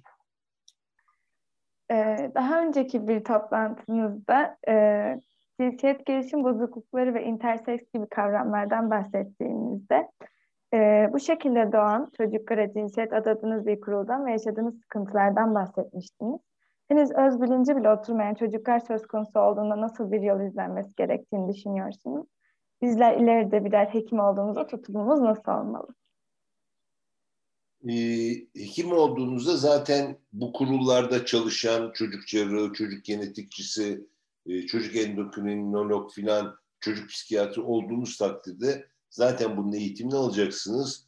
E, almadan da birinci basamak hekiminin birinci derecede sorumluluğunda e, olan bir şey değil bu. Ama doğru, istediğin kadar eğitimini al ve içinde ol. Çok zor bir konudur. Gerçekten çok zor bir konudur birkaç nedenle e, zor bir konudur. E, toplumun geleneklerine, göreneklerine, içinde yaşanan toplumun dinine, kültürüne göre çok e, farklı özellikleri olan bir şeydir. E, en çok bizi zorlayan e,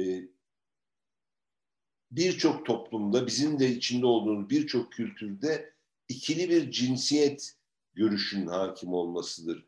Yani bir bireyin kadın ya da erkek olmasına zorlanması çok bizi zor durumda bırakan e, durumların başında geliyor.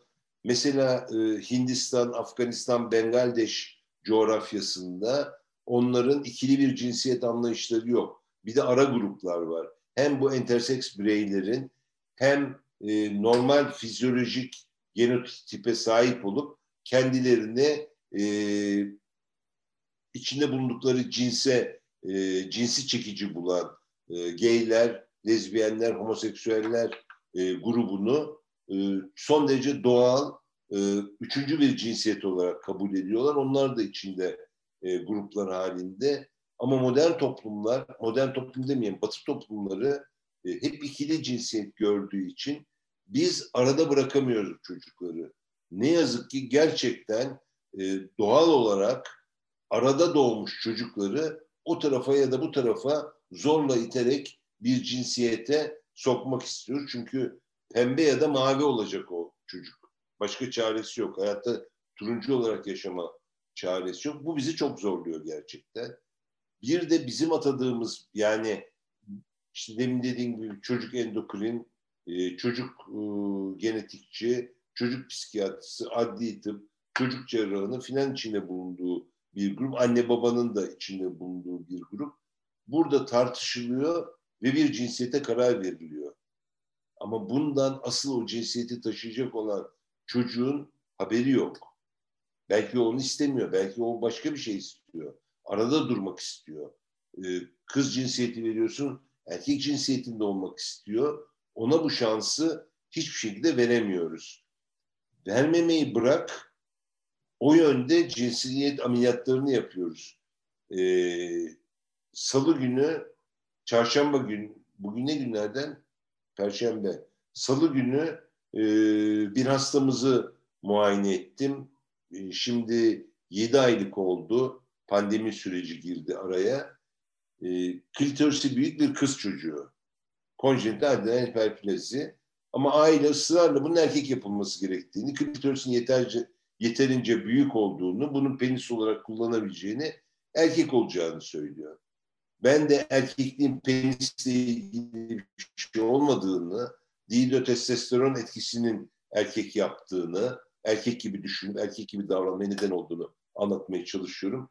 Ama böyle cevval Anadolu kızları vardır ya anne öyle bir şey bana diyor ki hocam yemin ederim bu erkek gibi davranıyor diyor.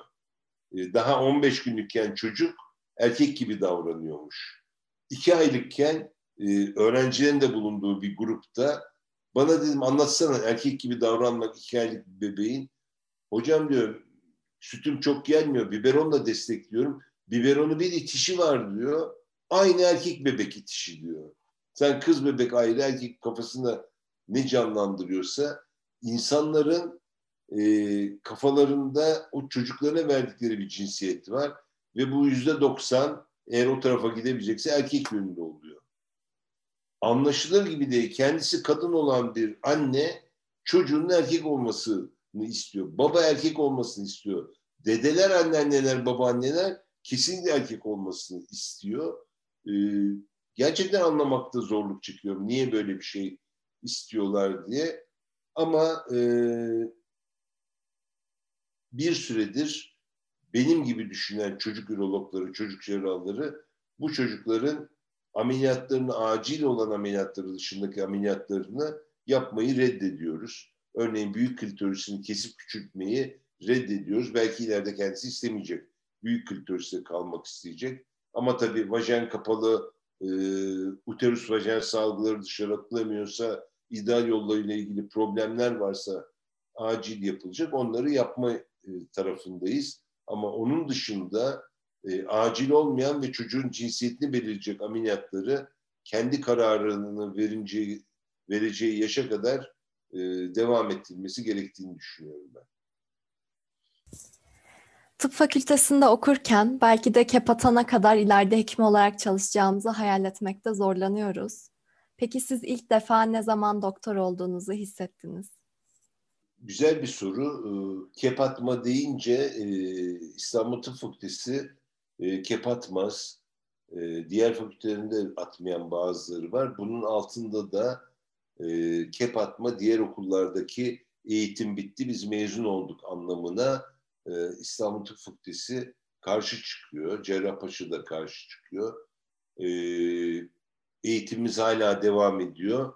Onun için kepi atmıyoruz gibi bir anlamında var ama sen mecazi anlamda söylediğini e, biliyorum e, o zamana kadar diye ama o mecazi anlamda yerine gelmiyor. Çünkü o zaman diye bir, bir zaman yok. Yani tıp fakültesine girdiğin günden ölünceye kadar okumak zorundasın. Bunun hiç şakası yok. Yani gerçekten şakası yok.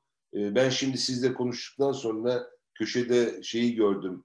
Mail gelmiş. Pediatrik üroloji e, dünya grubumuz var e, orada dünyadaki bütün vakaları herkes kendi ilginç vakalarını yazıyor. Onları tartışıyoruz. Ben de işte bu çift penisli vakayı yazmışım. Ona yorumlar yapılıyor. Şunu yapsaydın, bunu yapsaydın diye. Saatlerce okuyacağım orada. Yazılar var. Şurada emekli olmama da fazla bir şey kalmadı ama merak ediyor insan. Başkaları ne yapıyor? Jamaika'da bir doktorun başına acayip bir şey gelmiş. O onu yazıyor mesela. Ee, inanır mısın saat farkı da olduğu için o ameliyata giriyor. Ameliyat sonunda size durumu anlatacağım diyor. Biz burada e, gece yarıları o gündüz ameliyatında diye uyumadan bekliyoruz ameliyattan ne çıkacak filan diye. Niye böyle bir merak oluşuyor hekimlerde bilmiyorum ama e, çok da keyifli bir şey yani paylaşmış da e, oluyor. Senin sorun neydi Berra? Hocam ilk defa ne zaman hekim olduğunuzu hissettiniz evet. diye sormuş. Peki, e, burayı kesmeyin lütfen. Burası böyle yok, kalsın. Yok, çok güzeldi hocam. Niye bunu söylüyorum? E, araya bir anekdot ekleyeyim. E, şeyde, e, tıp fakültesinde dekanım. E, konuşmayı da seviyorum.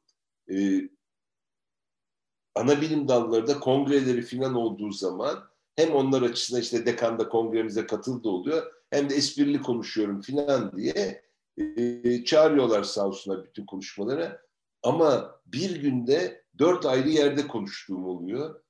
Bazen tam e, Tour de Memoir der Fransızlar. Hafıza deliği oluyor. Çıkmışsın oraya e, konuşacaksın ama bunlar kim? Ben niye buradayım? Ben buraya niye geldim? Şimdi ne olacaktı filan diye böyle bir süre bakıp sonra etraftan bir tanıdık hangi kişi olmasa şey diyeyim ana bilim dalının toplantısının bir onu anlamaya çalışıyorsun. O çok kötü bir durumdur. Şimdi bir anda öyle oldu. Seninle konuşurken e, ya ne sormuştu Beyza ben neye cevap veriyordum diye. E, demin zaten baştaki sorulardan birinde e, söylediğim ya dördüncü sınıfta e, ilk kez ameliyata girip e, saatler sonra ameliyattan çıktığımda daha doğrusu e, hastayı odasına götürürken e, yeşillerim tamamen sırılsıklam kan içinde kalmış. E, personel üzerime beyaz önlük verdi. O kadar da vahşi görünmeyeyim diye. E, hastanın sedyesini iterek yukarıya çıkıyoruz. E, aynada kapı camında kendimi gördüm. O güne kadar kıyafetli okula giden, beyaz önlüğünü bile laboratuvarda üzerine giyip çıkaran, e, hiç konuya dahil olamamış bir öğrenciyken birdenbire ayağımda beyaz sabolar, kan damlıyor üzerinden. Yeşillerim sırılsıklam üzerinde şey, e, beyaz önlüğümle görüntümü görünce hoşuma gitti ya. Yani ulan dedim şu görünüşe baksana sanki filmden çıkan bir adam cerrah yürüyor gibi. Ee, dedim ya işte çok öğrenci ölmüştü. Acayip infial olmuştu. Bir sürü kalabalık toplanmış orada. Ee, onların arasından geçerken de insanlar böyle bakıyorlar. Ee, çok etkilenmiştim. O gün o sırada e, bir de yaptığım iş işte içeride bir şeyler yapmışım. Barsağı tutmuşum, aleti gelmişim falan. Ee, doğru yerdeyim ya bu bana keyif verecek bir iştir diye ilk o anda düşünürken o ayna silüetinde çok iyi hatırlıyorum o anda. Tek bir an dersen o an ama onun dışında ondan öncesi yok kesin yok. Ondan sonra birçok an var ama e, ondan öncesi yok. Teşekkür ederiz hocam. Ee, genel olarak her etkinliğinizin sonunda işte kitap olsun, film olsun önerilerde bulunuyorsunuz ve genel olarak önerilerinizi seviyoruz. Size bugün önerilerde bulunabilir misiniz? Bugün önerilerde bulunabilir miyim? Ee, ben bilim kurgu filmleri seviyorum. Öyle aşklı, meşkli bilmem neli filan e, çok e, başım götürmüyor. E, izleyemiyorum. E, mesela e, son şey Interstellar'ı çok sevmiştim. E, Six Sense'i çok sevmiştim. Beautiful Mind'ı sevmiştim ama onlar izlenmişti. Ben kitaptan şey yapayım.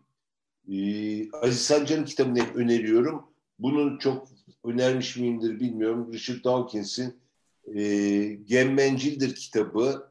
E, evrimi, e, genlerimizi, davranış modellerimizin nereden kaynaklandığını anlayabilmek açısından e, bence çok önemli bir kitap olduğunu düşünüyorum. Defalarca şey yapmışım, okumuşum ve her yerini çizmişim bu kitabın. Zaman zaman yine açıp bakıyorum.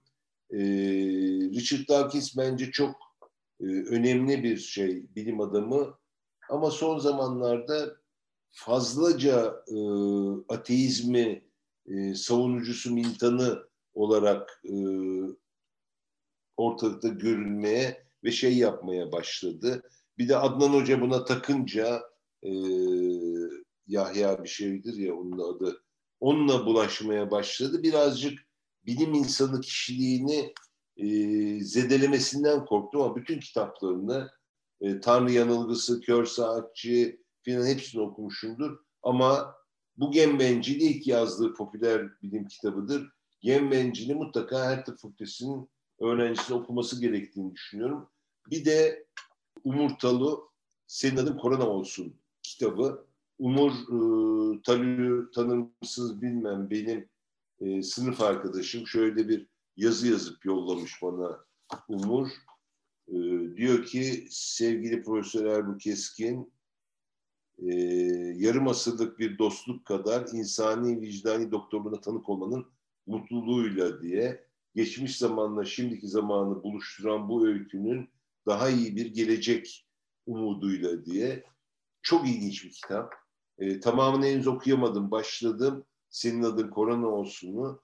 Ama tarihteki salgınlarla e, bilim adamlarının ilişkileri, e, demin e, size söylediğim hayatta karşımıza çıkan yollardan hangisini seçince nasıl değişeceğiyle ilgili e, Alman Nazi şeyinden, ırkçılığından kaçan Yahudi hocaların e, Cerrahpaşa ve Çapa'yı nasıl çağ atlattırdığı, nasıl, nasıl değiştirdiği, e, Einstein'ın e, daha fazla bir şey üretemeden ölmek üzereyken Cerrahpaşa'dan geri dönen hocanın onu nasıl kurtardığıyla ilgili tarihin bilinmediği, bilinmeyen, e, daha doğrusu çok üzerine durmadığımız yönleriyle e, Griffith ilişkilerini anlatan çok hoş bir e, kitap olduğunu düşünüyorum. Daha bitiremedim dediğim gibi ama okuyabildiğim yerler bile e, Osmanlı Caddesi'nde Çaykovski'nin senfonisi. Bu başlık altında kim bilir neler yazmıştır. Şimdi gece orayı okuyacağım. E, mesela ben İspanyol gribinde bunu da e, kahut sorularında soruyorum öğrencilere bazı yerlerde. Daha doğrusu bir kere sordum. Hangisi İspanyol gribine yakalanmamıştır diye. İçinde Mustafa Kemal cevabı da var. Oysa Mustafa Kemal de e, bütün Lloyd George gibi, e, Chamberlain gibi, Fransız Başbakanı gibi, e, bütün şeyler gibi e, o devrin e, adamları gibi e, İspanyol gribine yakalanmış. Vahdettin'le yurt dışına çıkmışlar diye Almanya gezisi sırasında o da yakalanmış. E, işte Atatürk'ün İspanyol gribine yakalanma hikayesi, Carlo Vali'deki tedavi öyküleri falan yani gerçekten insanı içine çeken e, bir kitap okumamış olanlara Umut Tanrı'nın Senin Adın Korona Olsun kitabını e, önerebilirim. Bir de e, yıllarca niye bunu yapmamıştım diye e, kendi kendime hayıflandığım bir şey var. Bizim zamanımızda, bizim zamanımızda değil de gerisini, gerisini dinlemeyin siz de. E, internet, bilgisayar falan olmadığı için tek şeyimiz kitaptı. Oturur kitap okurduk. Biz devamlı kitap okurduk. Şimdiki bir gencin okuduğunun 5-6 katı kitap okurduk. Niye okuma, okumuyorsunuz diye söylemiyorum. Çünkü okunması gerektiğinde çok fazla düşünmüyorum doğrusunu isterseniz. Kendi yaşıtlarına bunu tartışıyorum. Arkadaşım diyor ki oğlu için ya hocam Tolstoy okumamış, Dostoyevski okumamış, Solzhenitsyn okumamış bir çocuk nasıl olacak diyor.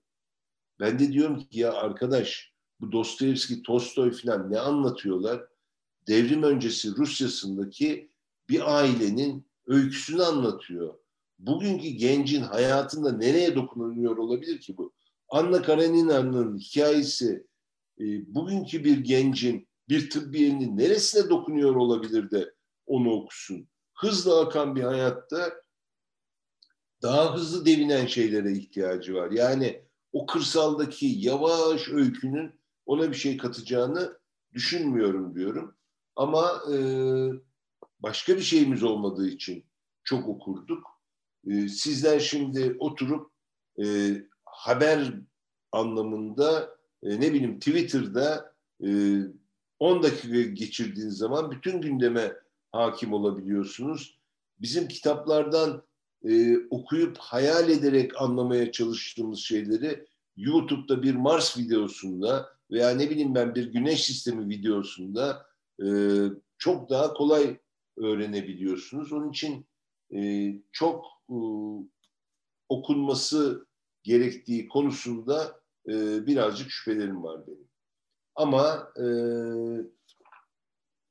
söylediğin için söylüyorum. E, hem bencildir ve senin adın korona olsun. Okunabilecek kitap. Başka bir şey söyleyecektim. Yine e, fikir uçuşmasıyla başka bir yere gittim. O kadar okumamıza rağmen o kitapları evde saklardık. Benim kütüphanem kitaplar doluydu. Yani binlerce tozlanmış kitap. E, ikinci bir defa yüz kitabın içinden belki bir tanesine ikinci bir defa aa neydi diye dönme ihtiyacı duyuyordum. Diğerlerine duymuyordum. Buna rağmen saklıyordum. Şimdi artık öyle yapmıyorum. Eskileri de verdim kitaplarımı da. Şimdi kitap alıyorum mesela. Bunu da okuduktan sonra e, birine aa çok ilginç derse al sen de oku diye veriyorum. Aldığım bütün kitapları bitirir bitirmez birine hediye ediyorum. E, genç arkadaşlarıma da onu dedim. Mesela Aziz Nesin'in hayatını anlatan Aziz Nesin bir Nobel'in öyküsü Orhan Bursalı'nın kitabında Çocuklara diyorum zaten incecik bir kitap. İki saatte okunuyor. Alırsanız okuyun birine hediye edin. Okuyun birine hediye edin kitabı. Böylece çok daha fazla e, kişiye ulaşmış olur. Daha fazla kişi okumuş olur. Ee, şunu soracağım ben. Yoğun iş temposunda kendinize ayıracak zaman bulabiliyor musunuz? Cerrah olsak da hobilerimiz için zaman var diyebilir miyiz? Siz oldukça fazla kitap okuyorsunuz ve film izliyorsunuz anladığım kadarıyla. Böyle bir soru sormak istedim. Ee, yok, çok fazla kitap okumuyorum. Aksine e, yani gençliğimde okuduğumun onda birini bile okuyamıyorum. E, kitap derken e, paramedikal kitaplardan bahsediyorum. E, yoksa tıpla ilgili devamlı okuyorum. Hiç durmaksızın okuyorum kendi alanımla ilgili. Ama paramedikal çok fazla okuyamıyorum. Ama e, uzaya, astronomiye meraklıyım. Onunla ilgili bir şeyler bulduğum zaman e, okumaya çalışıyorum, izlemeye çalışıyorum. E, mesela herkes e, Perseverance Mars'a indiği anda haber oluyor. Bir gün önce haberi oluyor.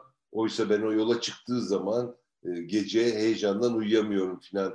E, atmosferin bir dışına çıkabilse, rotasını bir şaşırmasa filan diye böyle sapıkça şeylerim de var. Meraklarım ve hayallerim de var. Dedim ya orada bir NASA'da bir adam olmayı tercih edebilirdim.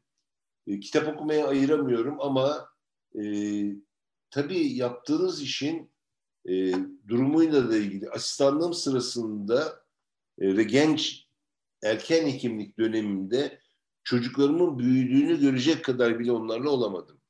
Bu da bir gerçek. E, çok fazla işim yoğundu. Bırakamayacağım başkalarının çocukları vardı. E, bu nedenle söylüyorum akademisyen olursanız e, sadece cerrah olmuyorsunuz.